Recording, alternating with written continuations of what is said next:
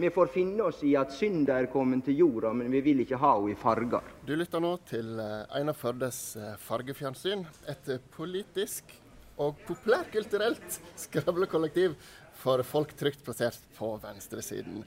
Og med sida, unnskyld, jeg må jo selvfølgelig snakke nynorsk når jeg har muligheten til å faktisk lede denne sendingen her. Men med meg her så har vi Kari Bernardini. Hei, hei. Stein Ove Lien. God dag. Og meg, Tøger Fimreite. Og dessverre så er Pål Hafstad Thorsen han er indisponibel, som det heter på godt norsk. Han kunne dessverre ikke stille, så vi må rett og slett klare oss uten han. Men eh, folkens, dere har vært på årsmøtet. Hva har dere å snakke om der? Stein Ove, det så ut. Du var veldig ivrig, så jeg. så hyggelig, da. Uh, Tøger.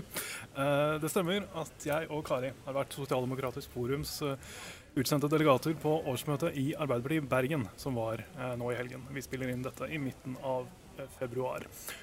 Og eh, jeg har tenkt å la deg føre ordet, Kari, egentlig. Eh, for jeg vet du har en del notater, eh, som den pliktoppfyllende delegaten du er, fra helgens opplevelser. Eh, vet du hva, dette Jeg har nå, i likhet med dere andre, vært på en del årsmøter i Arbeiderpartiet i Bergen. og veldig ofte så, så er det et et godt politisk verksted. Det er ganske god stemning, eh, og du treffer mye hyggelige folk. Men i år var det rett og slett eh, en, en Absolutt høydere. ikke sånn for deg. ja. Det var rett og slett en eh, en veldig, veldig bra dag. Jeg var eh, jeg er sykt fornøyd med dette årsmøtet. Det kom inn var 161 forslag. Det er rekord. Det har aldri kommet inn så mange forslag før. Det, det gror og vokser godt ut i alle lokallagene i Arbeiderpartiet i Bergen. Det er jeg ganske imponert over. Eh, over viljen til å altså, Du får inn forslag på alt fra jeg vet ikke, eh, fra samferdsel til en gjerdestubb nederst i veien, uh, til utenrikspolitikk. Det dekker på en måte hele spekteret. Og på den aller mest meta mulige måten så kom det også inn et forslag om at forslagene var for korte. Ja, så åpenbart har vi mer å gå på i Arbeiderpartiet i Bergen. Men uh, vi hadde også en, eh, en, eh, innledning. Vi fikk besøk av Bjørnar Skjæran, som er den nye nestlederen i Arbeiderpartiet. Og han, eh, Arbeiderpartiet har gjort noe såpass lurt at de har valgt eh, det tredje medlemmet av toppledelsen utenfra Oslo. Og det, det var nok en, en, riktig god idé, tenker han, i hvert fall vi andre som også er utenfor Oslo. Eh, han en, sitter på fylkestinget i, i Nordland, og han er en, en kvikk, storkjeftet fyr. Og jeg tenker, Vi trenger et par kvikke, storkjeftede fyrer i Arbeiderpartiet. Eller damer, for den saks skyld. Men, eh, men et, eh, han gjorde et veldig godt inntrykk. Han er jo hva skal vi si, ikke så veldig kjent eh, nasjonalt. Han eh, har ikke, og Det kommer jo selvfølgelig av at han ikke sitter på Stortinget, eh, bl.a.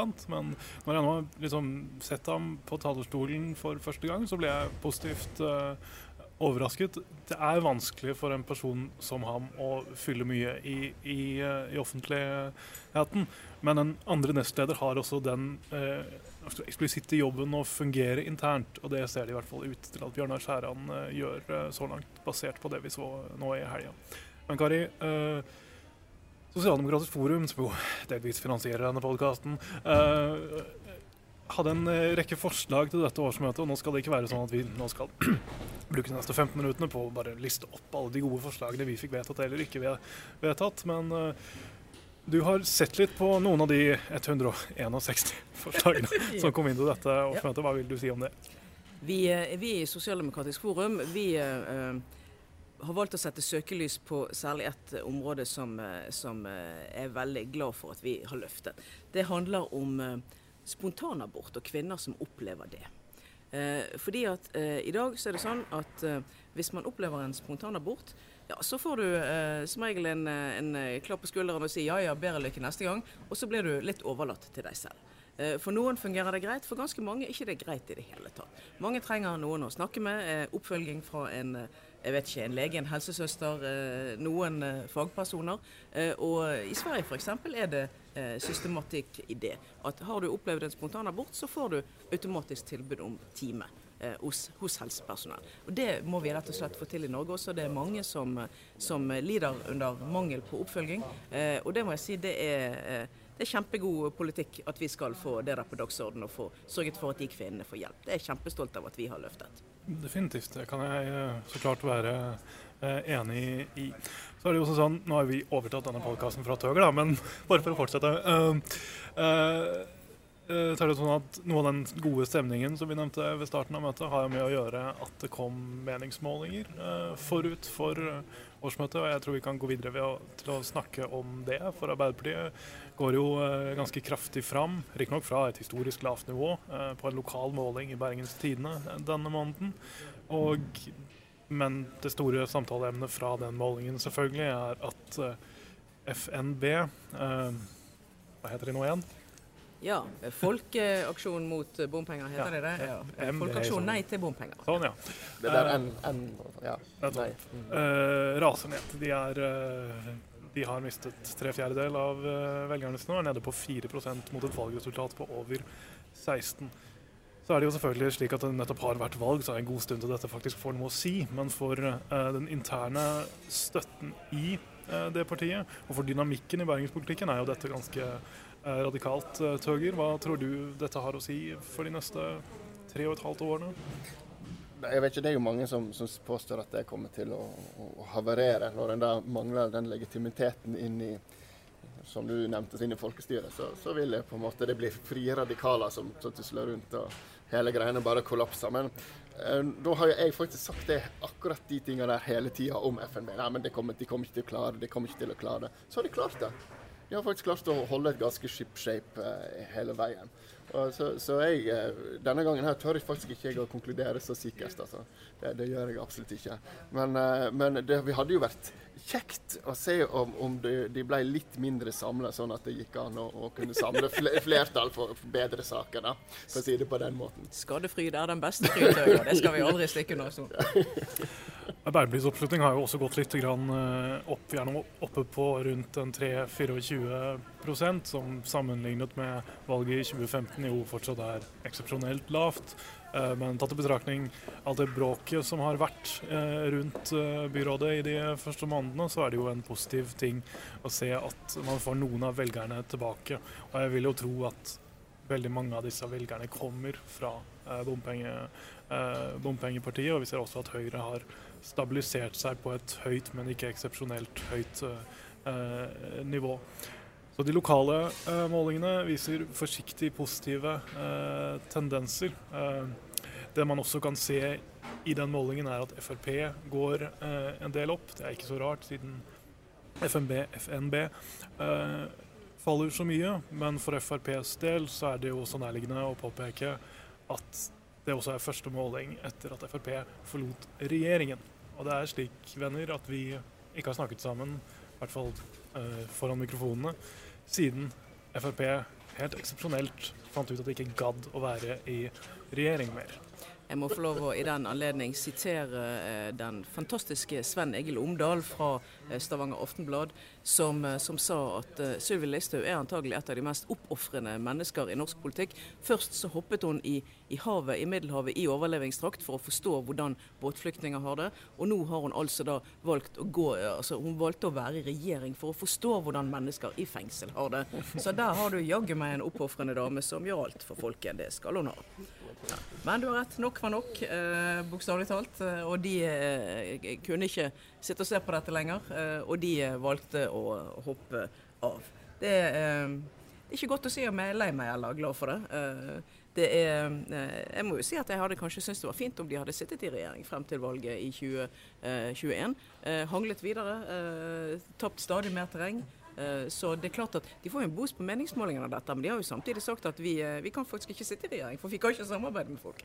Så, vel, jeg, jeg synes jo dette de, de er helt altså, Hatten av for Frp. Altså, de er, jeg syns de er helt utrolig eh, dyktige akrobater. De klarer å vri og vrenge den politiske kroppen sin i helt sånn fantastiske vinkler som egentlig ikke skulle tro var mulig. Nå har jeg noen bilder av Sylvi Listhaug i hodet mitt som jeg strengt ikke hadde behov for, så vi går fort videre nå. Vi går fort videre. Ja, men altså, for, for eksempel, det tok, de bare snudde på, på hva det heter, femåringen. Plutselig så så, så var det Nei, eh, plutselig så var eh, regjeringen alt de gjorde, nei, de var teite. Og nei, det er alltid regjeringen sin feil. Alt er rød-grønne sin feil. er Opposisjonen sin feil. Og, så liksom eh, og, og, det liksom, og, det var minutt etter at de nettopp hadde satt i regjering og sagt at alt at, nei, det vi mener her er veldig bra. Altså, men når, ja, altså, når, de satt i regjering, så drev de jo på med litt sånn akkurat den samme akrobatikken. Med at de var imot regjeringen samtidig som de var for regjeringen. Hadde kanskje en stortingsgruppe som var, var, var, var imot regjeringen, og så satt en gjeng inne i regjeringen som var, eh, sto for regjeringens politikk sånn av og på. Eh, men så, så, nå fortsetter de jo det. da, altså ja, så, men det, kan, kan, det, var jo du, Kari, som nevnte litt om ja, ja. de ulike tinga de uh, eh, lista opp som de var misfornøyd med. Ja, når Siv Jensen uh, kort tid, veldig kort tid etter å ha gått ut av regjering, nesten timer etter å ha gått ut av regjering, står frem og sier at nei, det var noen områder de var veldig misfornøyd med politikken på. og det var nå asylpolitikken. Og jeg tenker hallo, dere har hatt syv forskjellige justisministre på seks og et halvt år. Dette har dere hatt hånd om. Samferdsel var de kjempemisfornøyde med. Jeg tenker hallo, var det noe med at dere hadde samferdsel samferdselsministeren. Eh, og så var de jo eh, misfornøyd med, med, pengepolitikk og skattelett og sånn. Ja, dere hadde finansministeren inntil for fem timer siden. Ja, og finansministerposten er vel den de har holdt lengst med Siv Jensen med, eh, på roret gjennom begge periodene. Så, ja. så, her er det jo Det er lett å klø seg litt i hodet, da. Men spørsmålet er jo er velgerne Biter de på dette? her? Ja, Det virker jo sånn. De går jo i taket på meningsmålingene. Jeg tror um jeg tror det er to ting. Det ene er at mange av FrPs tidligere velgere er veldig veldig begeistra for å få partiet sitt tilbake. Eh, det gjelder også en god del medlemmer. At man nå eh, er det slutt på eh, liksom, kompromissene og ansvarligheten. Og man kan liksom få litt sånn throwback til Frp på 2000-tallet og ikke på 10-tallet. hvor de forandret seg og målet ble å søke regjeringsmakt. så den gleden over at man kan si nøyaktig hva man vil, som en del riktignok forbeholdt seg retten til også når de satt i regjering, ja. Eh, er noe velgerne sånn umiddelbart responderer veldig positivt på. og Det er ikke så vanskelig å forstå eh, heller. Eh, men den politiske muligheten som finnes her, er jo at man kommer tilbake til nettopp 2000-tallsscenarioene, eh, hvor Frp ikke vil garantere for noen regjering de ikke sjøl sitter i, samtidig som de ikke har noen interesse av å gå inn i regjering. Da kan det bli muligheter for opposisjonen til å eh, tegne opp sånn kaoskamerat-teorier eh, som vi hadde stor suksess med eh, for en god del, eh, god del, år siden. Erna Solberg har jo eh, vist eksepsjonell eh, evne til å tilpasse seg de politiske forholdene. På tross av egen ideologi, kan vi vel ja, si i mange tilfeller. Det som er eventuelt måtte være igjen av den ideologien etter alle disse, uh, disse årene. Uh, så, uh, så, de har jo vist tidligere at de kan få det til, men nå mangler alle interessen for det. Venstre har ikke noe interesse av å gjøre livet noe lettere for Frp. KrF har det heller ikke. Frp har det absolutt ikke. Og da sitter Høyre, som stille og rolig er i ferd med å gjøre det svært dårlig på meningsmålingene med lite rom for å øke noe spesielt i en ganske vanskelig situasjon. Det kan være en fordel for opposisjonen, men det er også riktig at det ideelle ville være om vi kunne gå til valg på en regjering Frp sitter i, for det er sånt som mobiliserer våre kjernevelgere. Ja, det er men um, var det kanskje nødvendig for Frp å gå ut? Ja, de hadde, de hadde, ikke noe valg lenger, tror jeg. Uh, og Det var vel derfor de gjorde det også. Men du vet, det er vel to fløyer i Frp, tenker jeg minst. Det er sikkert flere som ikke jeg kjenner til. Men du har eh, de pragmatiske Frp-erne, som er typisk Siv Jensen, Terje Søviknes, Kjetil Solvik-Olsen og Jon Georg Dale. Som er på en måte gode politiske håndverkere som man kan være uenig med, eh, men som på en, måte, på, en måte, kan jobben sin, da, hvis vi kan si det sånn, og har et pragmatisk forhold til hva de driver med. Og så har du sånn Sylvi Listhaug og, og ja, Per Sandberg når han satt, og, og, Christian Tybring-Gjedde, som jo er av en helt annen karakter eh, som politikere. Og som jo er de som skal tror, De løper i sånne libero-roller ute på banen og skal eh, fyre opp grunnfjellet til, til Frp. Det er jo deres jobb. Og det er klart at Den ene fløyen ville ut av regjering, og den andre fløyen er helt overbevist om at de forferdelig gjerne bare skulle ha blitt sittende. For de mente at de fikk mer gjort i regjering enn utenfor regjering. Og det er jo sånn sett rett. Det er... En sånn veldig sterk nasjonalkonservativ, noe nær nasjonalistisk strømning i Frp, som man har sett jeg tror det er i Oslo. Frp for bare, Beklager å avbryte. Men, men så, hvis du hører på ordet nasjonalkonservativ og sammenligner det med nasjonalsosialistisk, hvilket av de to ordene tenker du? best. Nei, ikke svar på det. det var, jeg, jeg, jeg bare, jeg bare Vi lar den henge i luften, vi, tør. litt, det jeg tenkte. Det, det har bare gått opp for meg hvor veldig forferdelig det egentlig høres ut hvis du sammenligner med ja. Det var en digresjon. Det er i hvert fall så langt fra oss som det er mulig å komme, tror jeg. Men eh, i Oslo Frp akkurat nå, så, uh, og det er jo laget til Christian Tybring-Gjedde og flere, så uh, pågår det en diskusjon også om hva som kan skje i framtiden når man skal ønske å legge seg på en mer uttalt nasjonalistisk tone, som også er inspirert av Trump. Eh, det sier de også, også sjøl. Det, dette går tvers igjennom Frp på flere områder, som Kari også har vært eh, inne på. At det er en del som ønsker å eh, tydeligere sånn omfavne en betydelig mye mer nasjonalistisk profil og uh, retorikk, som jeg tror vil være døden for Frp uh, som bredt, uh, bredt folkeparti, men som det er folk som nå ser at de har muligheten til, fordi nå har de sluppet det åket som det var å få gjennom ting, og øh, øh, levere resultater på det som de er valgt på, og, eh, og sånne ting. Og du kan, det. Det er jo noe dritt. kan jo skjønne hvor forferdelig tyngende det kan være, men eh, Men men, eh, men det blir spennende å se i Frp framover. Så er det jo også sånn at Siv Jensen Jeg tror fullt og helt at Siv Jensen ble overrasket over hvor kjapt og hvor kraftig eh, motstanden eh, mot det forslaget som de gikk ut på, var. Eh, jeg vil, kan aldri tenke meg at hun hadde som noe mål å slutte å være finansminister. Det hadde hun hatt mulighet til på en hvilken som helst eh, annen tid. Eh, men så har hun jo vist seg som en dyktig Han har manøvrert veldig dyktig i sitt eget parti og er fortsatt, sitter fortsatt så lenge som hun sjøl vil, men hun har jo også sittet svært lenge. Så det mest spennende med det vi snakker om nå, som vi ikke trenger å snakke så mye om fordi det kun er spekulasjon, er jo hvem som skal overta Frp, og når det eventuelt eh, skjer. For det er et parti som har hatt to ledere noen gang. Eh, og eh, det er en veldig klar parallell til Dansk Folkeparti i Danmark, selvfølgelig, som også kun har hatt eh, to eh, ledere. Og når, man kun, når det er så få mennesker som har hatt makta eh, gjennom hele partiets historie, så vil vakt, maktvakuumet som eventuelt oppstår når den dagen kommer, eh, bli stort. Og hvis det skjer på et tidspunkt hvor resultatene er dårlige, som de er for Dansk Folkeparti nå, som de i mindre grad er, er for Frp i Norge, hvis man ser meningsmålingene, så kan det bli noe av det mest definerende for de neste ti årene i norsk politikk.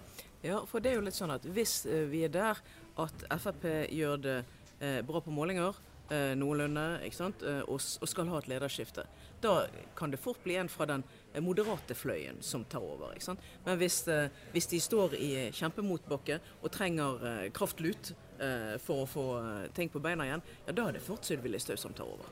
Eh, og Du sier det kan, at det kan bli døden for, for Frp som et bredt folkeparti, men eh, vet ikke de har eh, Du ser på Sverigedemokraterna.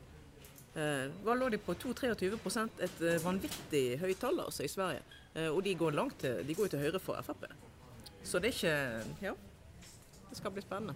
Men et lite sånn, eh, hvis vi tenker på vårt eget parti, Arbeiderpartiet, og Ja. har vi snakket nok om Fremskrittspartiet, det er jeg helt enig med deg. hva konsekvenser har det for oss, holdt jeg på å si? Altså, nå sitter jo ikke bare ingen av oss i, i Stortinget, men, men, men for oss partiet, for Arbeiderpartiet, hva konsekvenser kan det få nå som eh, det er frislepp på Frp? Um, Kan vi søke samarbeid mot Frp for, eksempel, for å få gjennomslag, eller er, avstanden for stor? Problemet nok en gang er jo at eh, gjennom denne, eh, disse siste mange, altfor mange årene med borgerlig regjering, så har vi inngått en del større kompromisser eh, med eh, regjeringa. Så har vår kritikk hver eneste gang vært at regjeringa så løper fra de kompromissene, innfører dem på en annen måte, innfører dem ikke raskt nok, gjør andre ting enn det vi ble enige om i Stortinget. Og så har vi jo sett at Senterpartiet har blitt store på å stå utenfor de reformene som vi har vært med på. Eh, I denne situasjonen så er det jo slik at Frp eh, Mediene var stappfulle av spekulasjoner, og Frp var hurtig ute med alle slags løfter om politikkområder som de nå kunne tenke seg å, eh, å forhandle om når de ikke lenger satt i regjering. Det har blitt eh, låst fullstendig ned i løpet av de første 14 dagene. Eh, så mulighetene for at det kommer mange nye situasjoner hvor opposisjonen kan få flertall sammen med Frp, tror jeg er relativt liten. Eh, Men klart, hvis det finnes muligheter for det, så eh, skal vi jo være villige til å, til å snakke med dem. eh, For Vårt mål er å få gjennom politikk som går i motsatt retning av det regjeringa har. og Hvis Frp innehar de primærstandpunktene som de gjør, så, det, så, er det de som må svare for hvorfor de ikke ønsker å gjennomføre den politikken.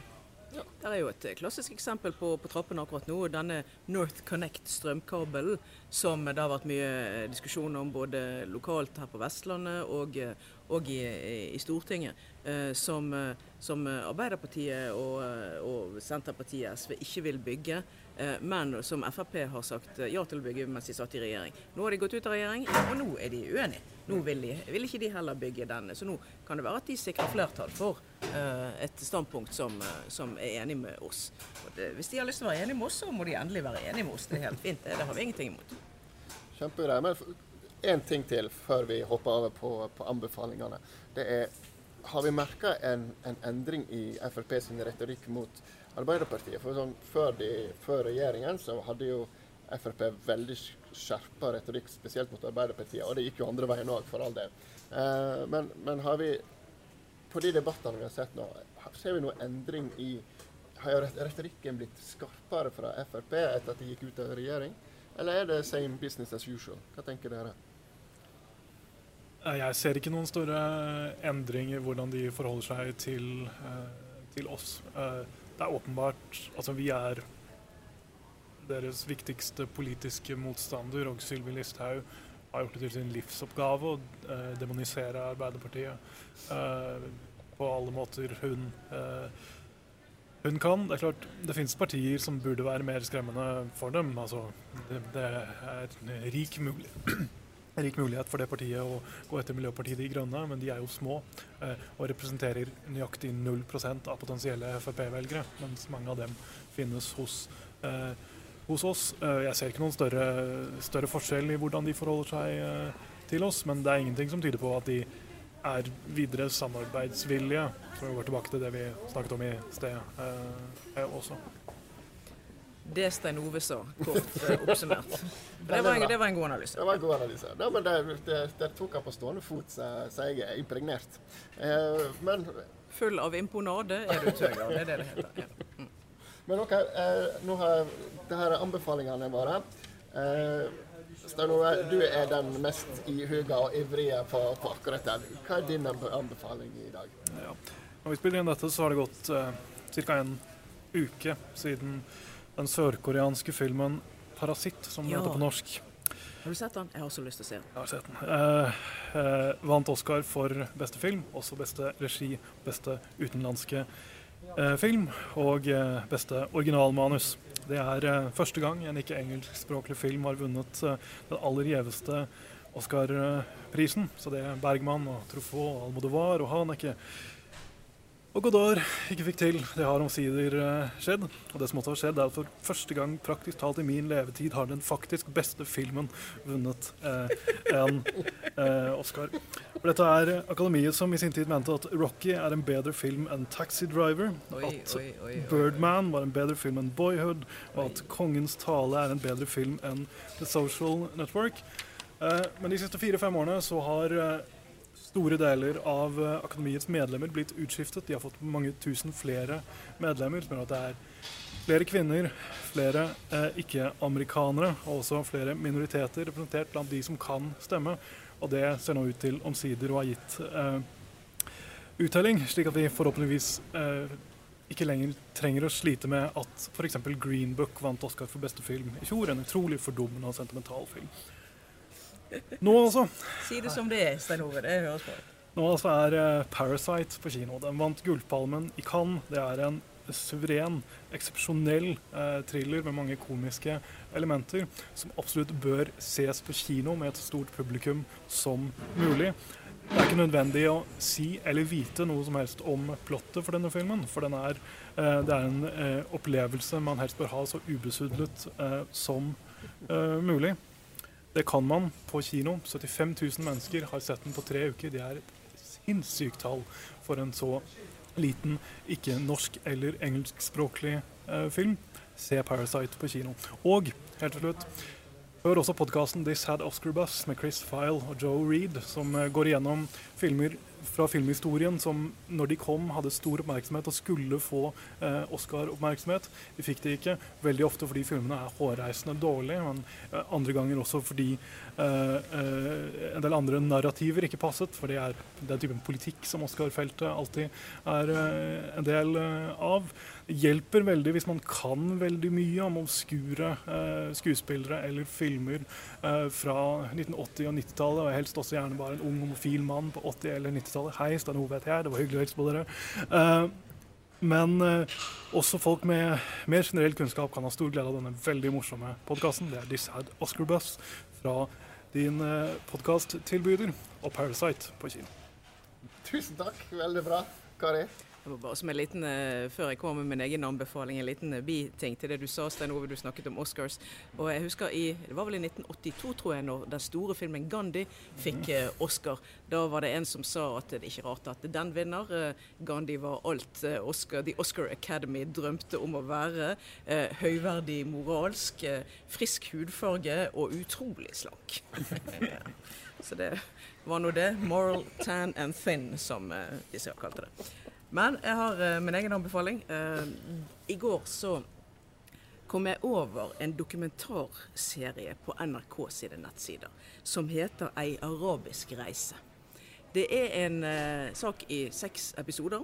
En britisk journalist og fotograf reiser rundt i ulike deler av Midtøsten, som er en verdensdel jeg personlig er veldig glad i. jeg har aldri truffet så mange åpne, fine hjelpsomme, hjertevarme mennesker som det jeg har gjort eh, på reiser rundt i Midtøsten. Det er et fantastisk område å bevege seg i. Jeg kan ikke få anbefalt det nok. De er vesentlig mer tolerante for oss enn eh, vi er for de når de kommer her. Så er nå det sagt. Men uh, denne reisen viser, den viser Midtøstens folk fra alle sine vinkler. Fra krigen, fra det som vi ikke liker med de av menneskerettighetsproblematikk, og til den enorme varme gjestfriheten du møter det er et veldig sånn bredt lerret eh, for, eh, for, historien om Midtøsten. Jeg kan ikke få anbefalt den sterkt nok. Fantastisk god serie. Kjempegreier. Takk for anbefalingen. Min anbefaling, og nå må alle holde seg fast, vær, vær med meg her, vær tålmodig med meg. Vi sitter tøger, det, dette går bra. Dette går bra. Vi, vi holder oss fast. Jeg kommer til å eh, faktisk våge meg ut på å anbefale den første Rambo-filmen. Ja. Uh, 'First Blood'. Den kom, eh, kom, da i uh, Eller boka, vi kan jo begynne der. Det var, det var egentlig bok. David Morell i 1972 skrev, så lagde de film på denne her. Uh, Rambo. Og egentlig så var det ikke ikke, var ikke det Sylvester Stallone som skulle være for hovedrolla. men han kom inn da via, via tilfeldigheter. Eh, og Hans han begynte å sette ganske klare betingelser for hvordan dette her skulle være. Der, hvordan Rambo-filmen skulle være. Og Hvis du ser på den første Rambo-filmen i forhold til de andre franchisene, så er det egentlig en veldig annerledes film. For den første filmen handler egentlig om menneskelige aspekter, som gjør egentlig filmen ganske aktuell for, i dag. Spesielt USA. da. Han er en sånn krigsskadd med, med type Eh, posttraumatisk stress. John J. Rambo kommer tilbake igjen og prøver å gå tilbake i røttene sine. Og, og, sånn, og så blir han da møtt av samfunnet, der representert av den sheriffen og den lille byen her som da begynner å, prøve, begynner å jage han rundt. Og så reagerer han da på den eneste måten han kan med, med vold. Eh, men ingen blir drept i den, i den filmen. I boka så blir nesten alle drept. Så, så det, ja, der, der, er det mer slakt, rett og slett. Det, det er rett og slett, og, Men slakten kommer jo igjen i de andre Rambo-filmene, som er ganske dårlige. Men jeg så faktisk Rambo eh, First Blood her for noen dager siden. Jeg tenkte hm, det er faktisk en ganske bra film. Den har fått et veldig dårlig rykte. Så hvis du vil gi en, en, en, en dine fordommer en sjanse til å bli utfordra, så er det Rambo First Blood. Vær så god. Ja, takk skal du ha. Det, jeg kjente litt på mange fordommer i det du sa dette her, Tøger. Men eh, du er jo en hyggelig og, og, gjennomtenkt fyr til vanlig, så jeg, jeg, er villig til å gi deg denne her. Det, det er greit, det, Tøger. Jeg har faktisk ikke sett Rambo First Blood. Um, men uh, det skal jeg nå til neste episode. Det skal jeg nå umiddelbart forsøke å gjøre noe med. Takk for at du lyttet til Einar Førdes fargefjernsyn. Så snakkes vi igjen neste gang. Hei.